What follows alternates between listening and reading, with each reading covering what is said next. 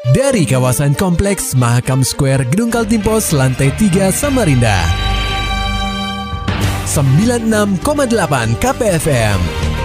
Kita akan ikuti program KP Flash News.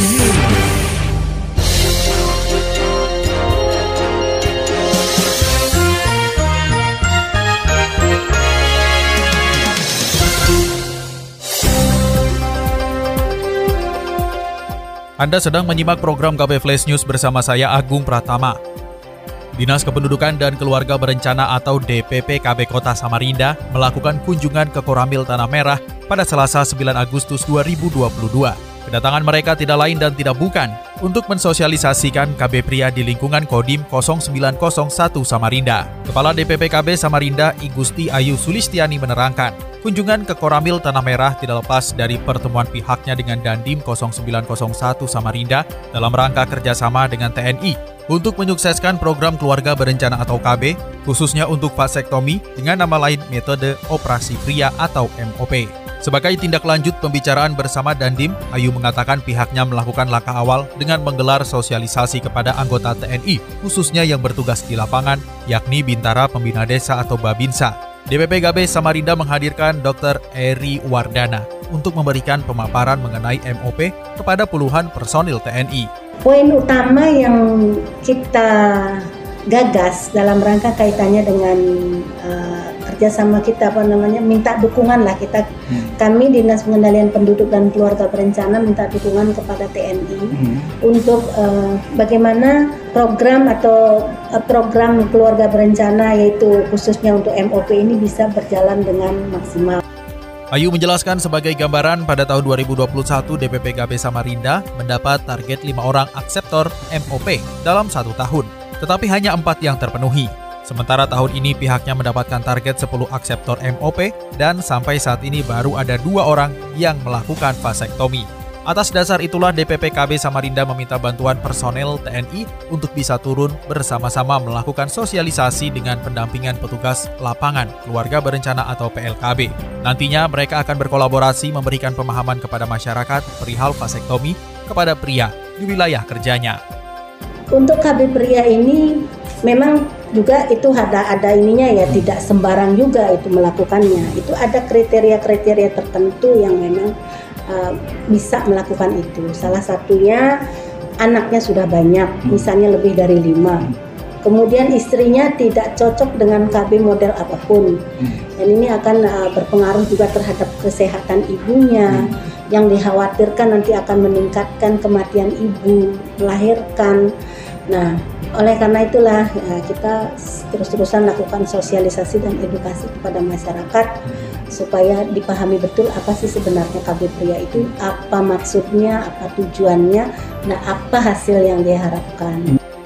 Dengan semakin banyak lini yang mengedukasi mengenai MOP ini, Ayu berharap lebih banyak lagi masyarakat yang paham bahwa KB pria itu penting, meski untuk melakukan hal ini sifatnya hanya sukarela. Berita selanjutnya pendengar KP Polresta Samarinda menetapkan pengemudi mobil Chevrolet berinisial ST atas insiden kecelakaan maut di Jalan Ahmad Yani Sungai Pinang yang terjadi pada Rabu 27 Juli lalu, penetapan ST sebagai tersangka berdasarkan hasil gelar perkara yang dilakukan bersama Kejaksaan Negeri Samarinda pada Senin 8 Agustus 2022. Hal itu diucapkan langsung oleh Kasat Lantas Polresta Samarinda Kompol Kreato Soni Tihegulo lewat sambungan telepon. Polisi yang akrab disapa Gulo menerangkan setelah gelar perkara disertai pemeriksaan saksi, pengemudi, serta pengecekan kendaraan, mobil yang dikemudikan ST tidak mengalami remblong. Perwira Melati satu ini menjelaskan berdasarkan bukti dari rekaman CCTV dan pengakuan ST, terindikasi bahwa saat kejadian pengemudi memacu kendaraan dengan kecepatan tinggi agar tidak terkena lampu merah. Karena kondisi jalan yang menurun tepat di persimpangan jalan sehingga ketika melintas di Jalan Ahmad Yani, mobil menjadi sulit untuk dikendalikan. Lantaran panik karena ada mobil pickup di depannya, pengemudi mencoba membanting setir ke kanan dan menabrak median jalan. Tetapi karena kendaraan tersebut memiliki transmisi otomatis, sehingga pada saat benturan pertama dengan median jalan, pengemudi justru menginjak pedal gas yang membuat kendaraan semakin melesat. Lalu kemudian uh, karena itu kendaraan metik. Uh -huh. Pada waktu benturan itu kakinya itu masih tetap menekan gas dan bahkan lebih kencang lagi. Oh iya. Uh, uh, uh. Sehingga kecepatannya itu walaupun dia membentur median jalan itu tidak berkurang. Setelah ya kan? Nah, nah kemudian dia lalu melaju kembali menghindari kendaraan di kiri dia membentur kedua kalinya uh -huh. median jalan itu dengan jarak kurang lebih 175 meter itu uh -huh. jarak benturan pertama yang kedua. Uh -huh. Nah benturan kedua ini sudah mendekati batas median jalan yang pertama. Uh -huh. Nah kemudian dia benturan tersebut masih melaju lagi lalu menabrak sepeda motor yang di depannya dan kemudian membentur uh, bagian tengah median apa uh, awal mula median jalan yang berikutnya uh -huh. di, di, di tengah di mana dia dia menabrak korban dan korban itu dapat terhimpit di antara kendaraan dengan median jalan. Meski telah ditetapkan sebagai tersangka, mantan Kapolsek Samarinda Kota ini masih akan melakukan koordinasi dengan kejaksaan untuk menentukan status penahanan pengemudi. Hal ini terjadi karena ST sudah berusia lanjut dan memiliki masalah dengan kesehatannya. Oleh sebab itu, polisi belum melakukan penahanan terhadap ST. Ini begini, kalau untuk status uh, penahanan, uh -huh ini karena berkenaan kondisi uh, kesehatan daripada pengemudi itu sendiri, mm-hmm. ya kan? Uh, usianya sudah 60 tahun dan dan riwayatnya dan riwayat kesehatannya dia memiliki uh, penyakit yang cukup uh, ya ya perlu kita pertimbangkan lah. Mm-hmm. Nah jadi untuk untuk sementara kita masih belum melakukan penahanan terhadap uh, pengemudi tersebut. Polisi sendiri akan menjerat ST dengan pasal 310 ayat 4 Undang-Undang Nomor 22 Tahun 2009 tentang Lalu Lintas dan Angkutan Jalan atau LLAJ dengan ancaman penjara maksimal 6 tahun.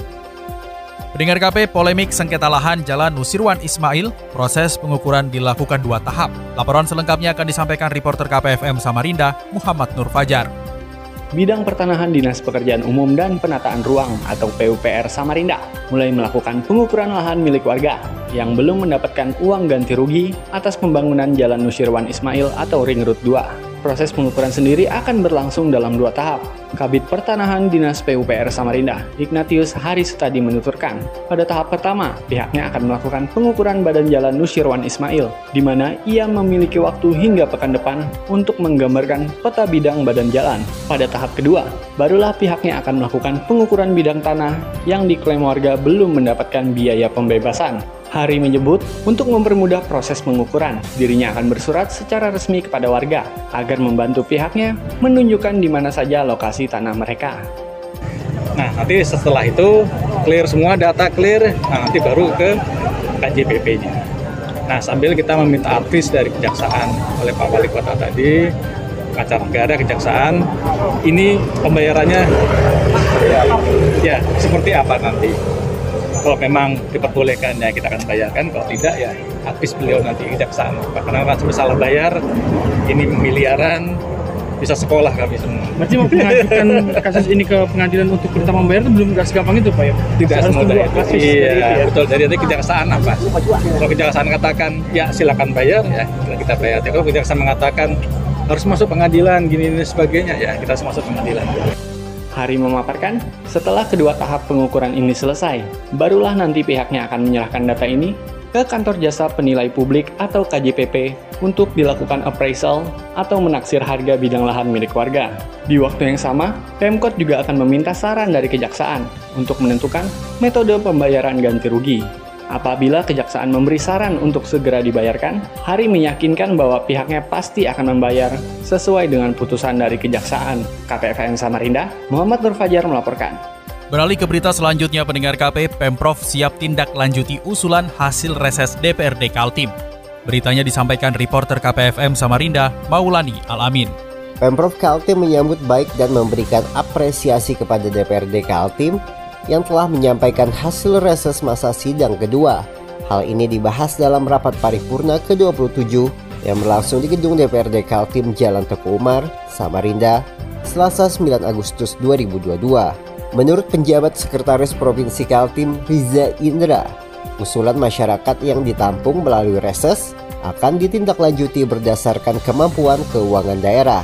Riza Indra mengakui masih banyak persoalan dan hajat masyarakat yang belum terpenuhi. Namun bukan berarti Pemprov abai dalam persoalan ini. Memahami memang masih ada betul ada kekurangan, itu terus kita perbaiki.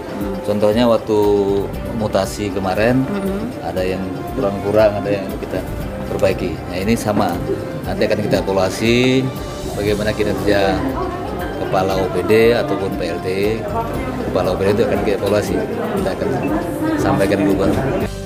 Paripurna ke-27 dipimpin oleh Ketua DPRD Kaltim Makmur HAPK, didampingi Wakil Ketua DPRD Kaltim Muhammad Samsun, Sigit Wibowo, dan Seno Aji.